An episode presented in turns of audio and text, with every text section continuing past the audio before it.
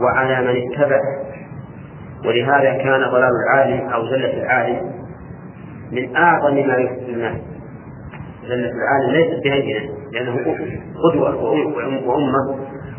إن ضللت فإنما أضل على نفسي وليس عليكم من ذلك شيء. وإن اهتديت لم يقل فإن ذلك من نفسي بل وكله أو أضافه إلى ما جاء به الوحي النازل من عند الله. ولهذا قال فبما يوحي إلي ربي. والباء السببية وما إما أن تكون مصدرية وإما أن تكون موصولة. إن كانت موصولة فإن عائدها محذوف. تقدير فبما يوحيه إلي ربي. وإن كانت مصدرية فلا عائد وقوله يوحي إلي ربي الوحي في اللغة هو الإعلام بخفاء وسرعة. هذا في اللغة. بخفاء وسرعة. سواء كان ذلك إعلام بالحمد أو بالإشارة بالعين أو بالإشارة باليد ومنه قوله تعالى فخرج على قومه يشرف خرج على قومه من المحراب فأوحى إليهم أن سبحوا بكرة وعشيا وما يتكلم لأنه قال له آيتك أن لا تكلم الناس ثلاثة أيام إلا أنت. إذا أوحى إليهم بمعنى أشار إليهم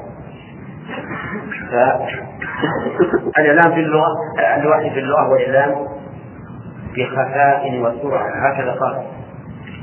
أما في الشرع فهو إعلام الله سبحانه وتعالى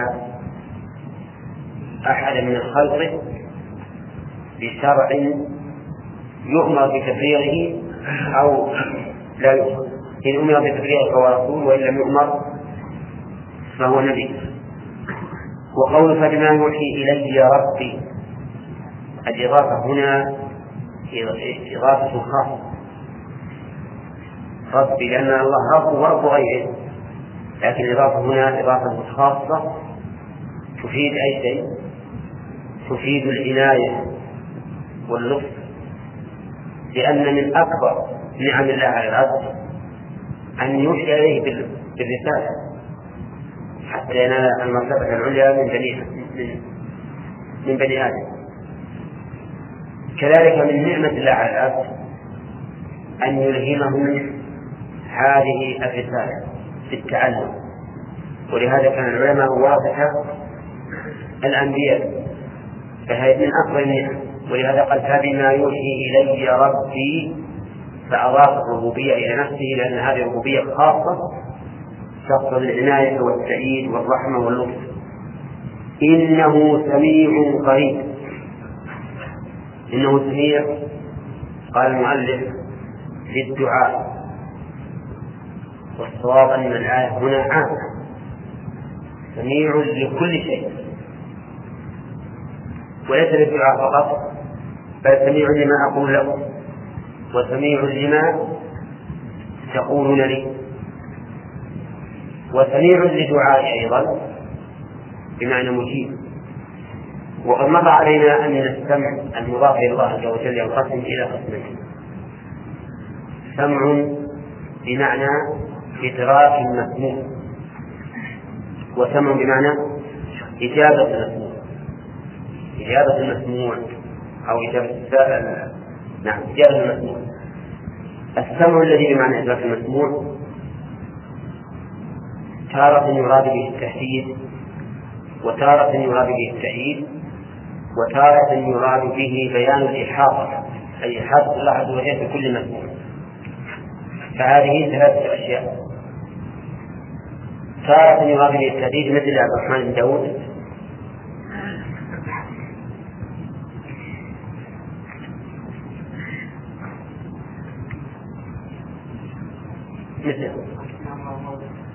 لا. تارة يراد به التهديد نعم. وتارة يراد به التأييد. مثال عبد الله. نعم. قول موسى وهارون إنني معكما أسمع الله. وتارة يراد به بيان الإحاطة. بدر. في زوجها وتشتكي الله والله لا يسمع تحاوره أما السمع الذي بمعنى الإجابة فكقوله تعالى إن ربي لسميع الدعاء. وقول المصلي سمع الله لمن حمده. وقوله قريب قريب. قريب هذه اسم فاعل أو صفة مشبهة والضمير المستتر فيها يعود على على من؟ يعود على الله عز وجل. يعود على الله. وكل فعل أو وصف يكون عائدا إلى الله فالمراد به ذات الله. تكفي هذا القاعدة الذي ذكرها ابن القيم في مختصر الصواعق؟ يقول كل كل فعل أو وصف تحمل ضميرا يعود إلى الله فالمراد به ذات الله. المراد به ذات الله. لكن يجب أن يكون في ذهنك تنزه الله عز وجل عما لا يليق به. تنزه الله عما لا يليق به. فيكون القرب هنا قرب رحمته أو قرب علمه أو قرب سمعه أو بصره أو قرب ذاته أيها لا ما قريب هو. أي ذاته ولهذا صرح ابن القيم بأنه قريب بذاته. لكن يجب أن تعلم أنه مع قربه بذاته فهو مستوى على عقل.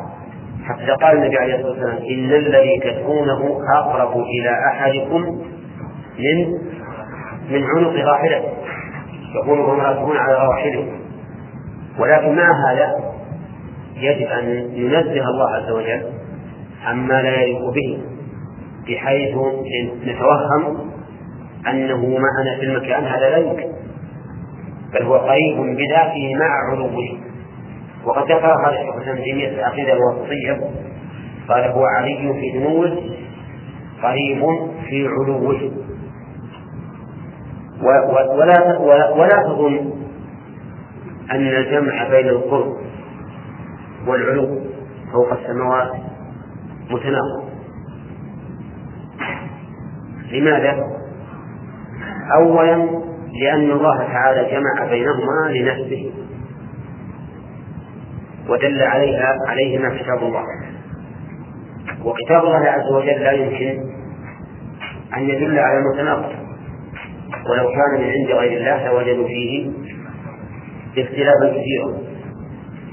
ثانيا أن الله سبحانه وتعالى ليس كمثله شيء.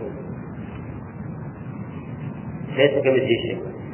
يعني لو فرض أن بين القرب والعلو تناقضا في حق المخلوق فإن ذلك لا يلزم في حق الخالق. لماذا؟ لأن الله ليس كمثله شيء ولهذا نقول إن الله تعالى ينزل إلى السماء الدنيا كل ليلة وهو مع ذلك مستو على عرشه. وهو مع ذلك مستو على عرشه. لا تقول هذا محال. نقول هذا محال بالنسبة لمن؟ للمخلوق. أما بالنسبة للخالق فيجب أن نؤمن بما أخبرنا به عن صفاته وهو على عرشه ونزوله إلى السماء الدنيا. ونقول إن هذا ممكن في حق الخالق الشيء الثالث الوجه الثالث مما نجمع فيه بين القرب والعلو أنه قد يكون الشيء عاليا وهو قريب. قد يكون الشيء عاليا وهو قريب حتى من المخلوقات. مثل القمر. القمر عالي لكنه قريب كأنه معك. كأنه بك في المكان الذي أنت فيه وضوءه واصل إلى الأرض وهو في السماء. وأظنه مر علينا في البلاغة. بيتان في هذا المعنى. جانب إلى أيدي العفاة وشافع عن كل ند في الندى وضريب. كالبدر أفرط في العلو وضوءه للعصبة السارين جد قريب طيب نعم.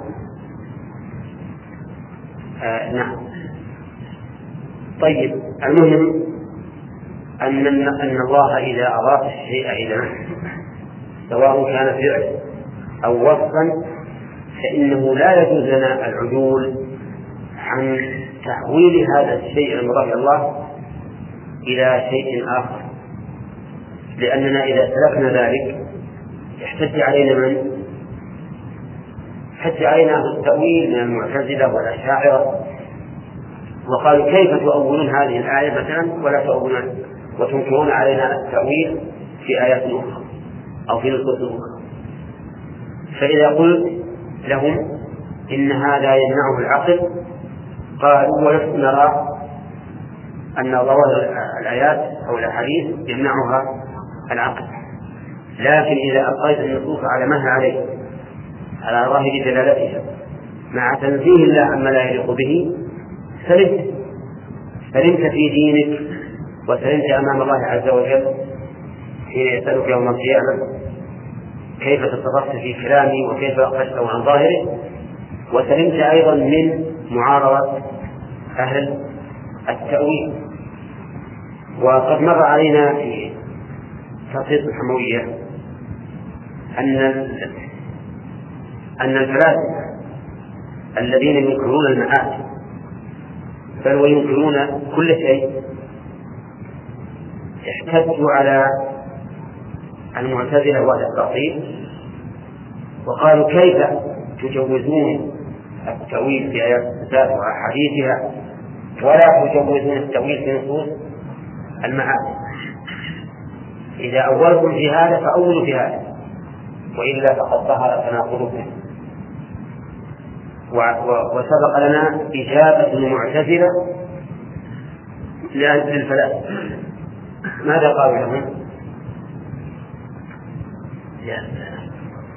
قالوا إنها إننا قد علمنا بالاضطراب أن الرسل جاءت في إثبات المعاد وعلمنا أن الشبهة المانعة منه فاسدة فوجب القول بثبوته وجب القول بثبوته. هذه حجة يا جماعة هذه هذه من أهم المسائل طالب العلم في علم التوحيد. وذكرنا أن هذه الحجة التي دفع بها المعتزلة اعتراض الفلاسفة ذكرنا أن هذه الحجة احتج بها أهل السنة على المعتزلة. وقالوا قد علمنا بالضرورة أن الرسول جاء بإثبات صفات الله وعلمنا فساد الشبهة المانعة منه فوجب القول بثبوته. وأن فرد القاعدة في هذا وهذا هو اللي فيه السلامة أما أن نتناقض ونؤول في شيء ويدخل النصوص على ظاهرها في شيء فإن هذا وهم وضعف في الطريقة. فالمهم أن القريب هنا لا نقول قريب قريب في علمه أو قريب في رحمته أو قريب في سمعه أو ما أشبه ذلك. نخصصها بشيء لأن إذا قلت قريب في رحمته أو سمعه أو بصره أو علمه أو ما أشبه ذلك خصصت. فإذا قلت قريب بذات الشمل كل ما تقتضيه الذات من الصفات فكان أعم. وقد وقد صرح شيخ الإسلام تيمية في شرح حديث حديث النزول بأنه سبحانه وتعالى قريب بنفسه. وتلميذ ابن القيم قال إنه قريب بذاته. ولكن مع ذلك يجب علينا أن نعلم علم اليقين بأنه قريب ولكنه في السماء على عرشه.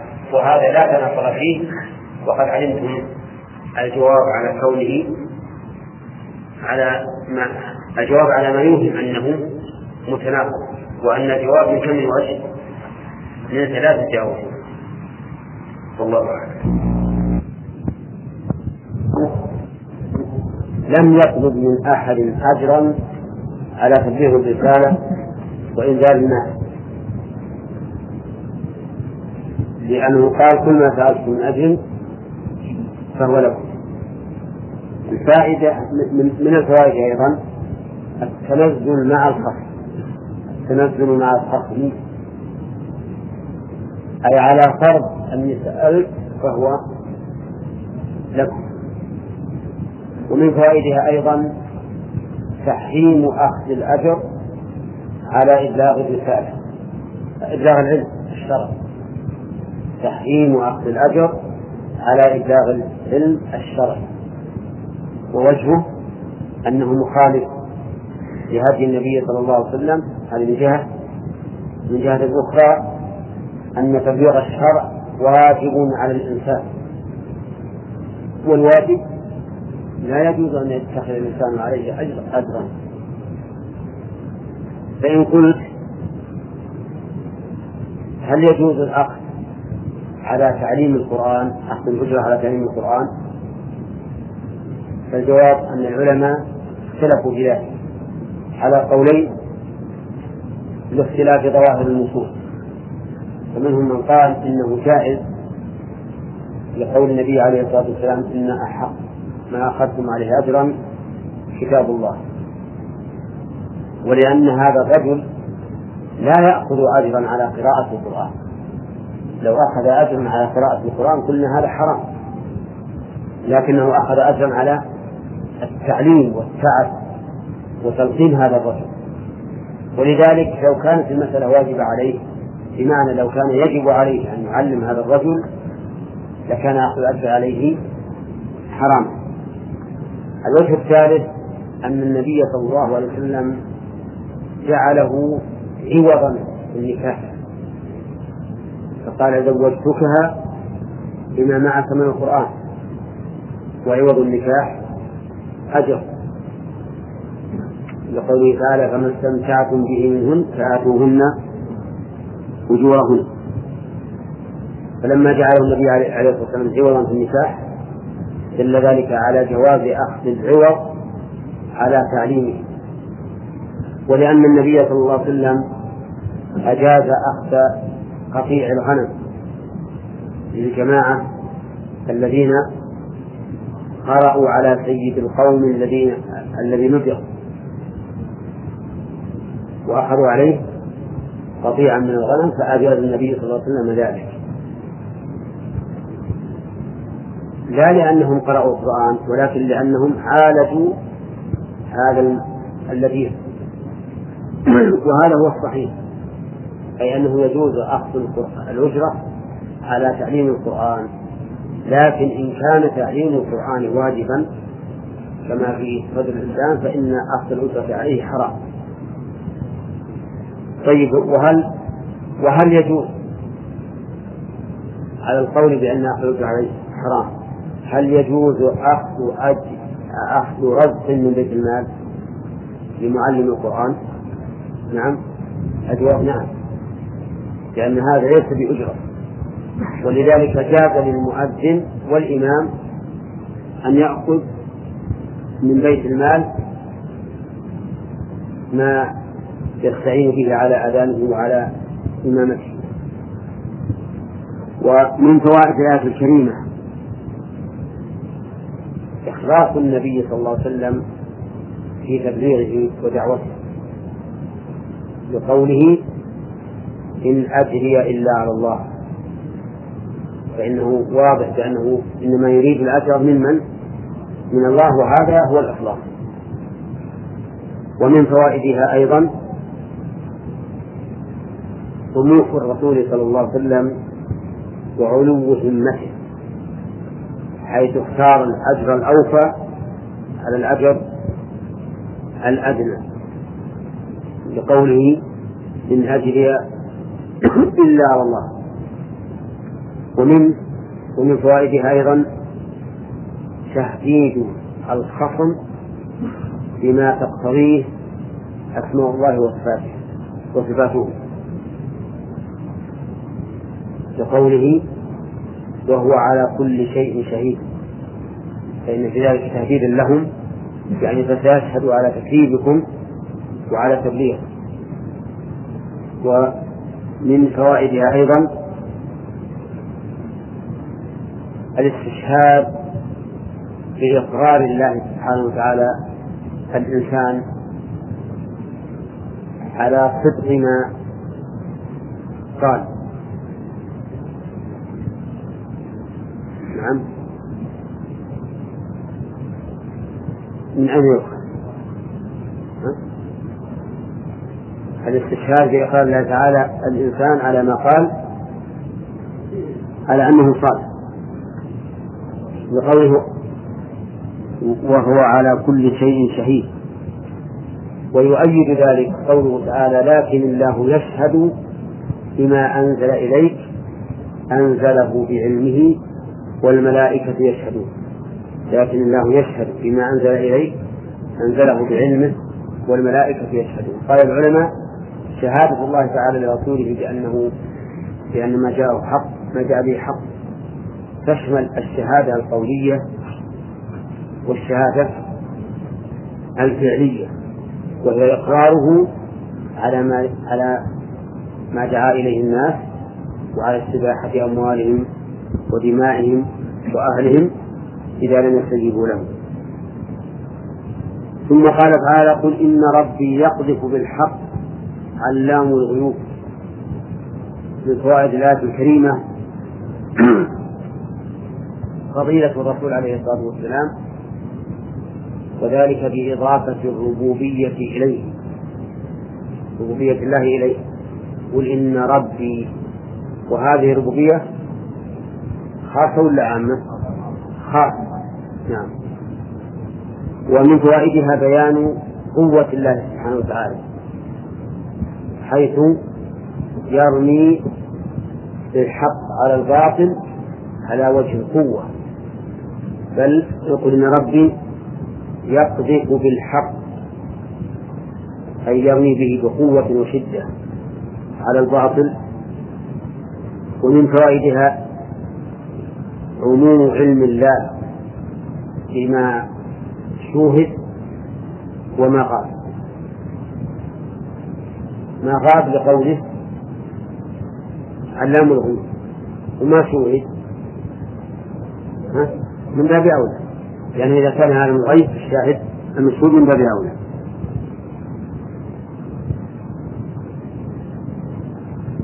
طيب ومنها إثبات أن ما جاء به النبي صلى الله عليه وسلم حق.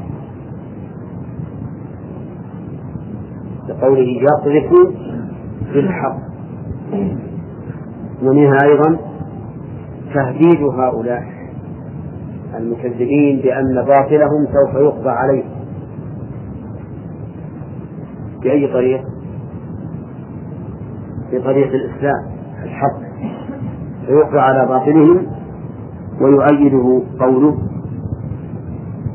قل جاء الحق وما يبدو الباطل وما يبدو جاء الحق. الحق ما بعث قالنا أن الباطل كل ما خالف الحق فهو باطل. قل إن ضللت فإنما أضل على نفسي. وإن اهتديت فبما يوحي إلي ربي إنه سميع قريب.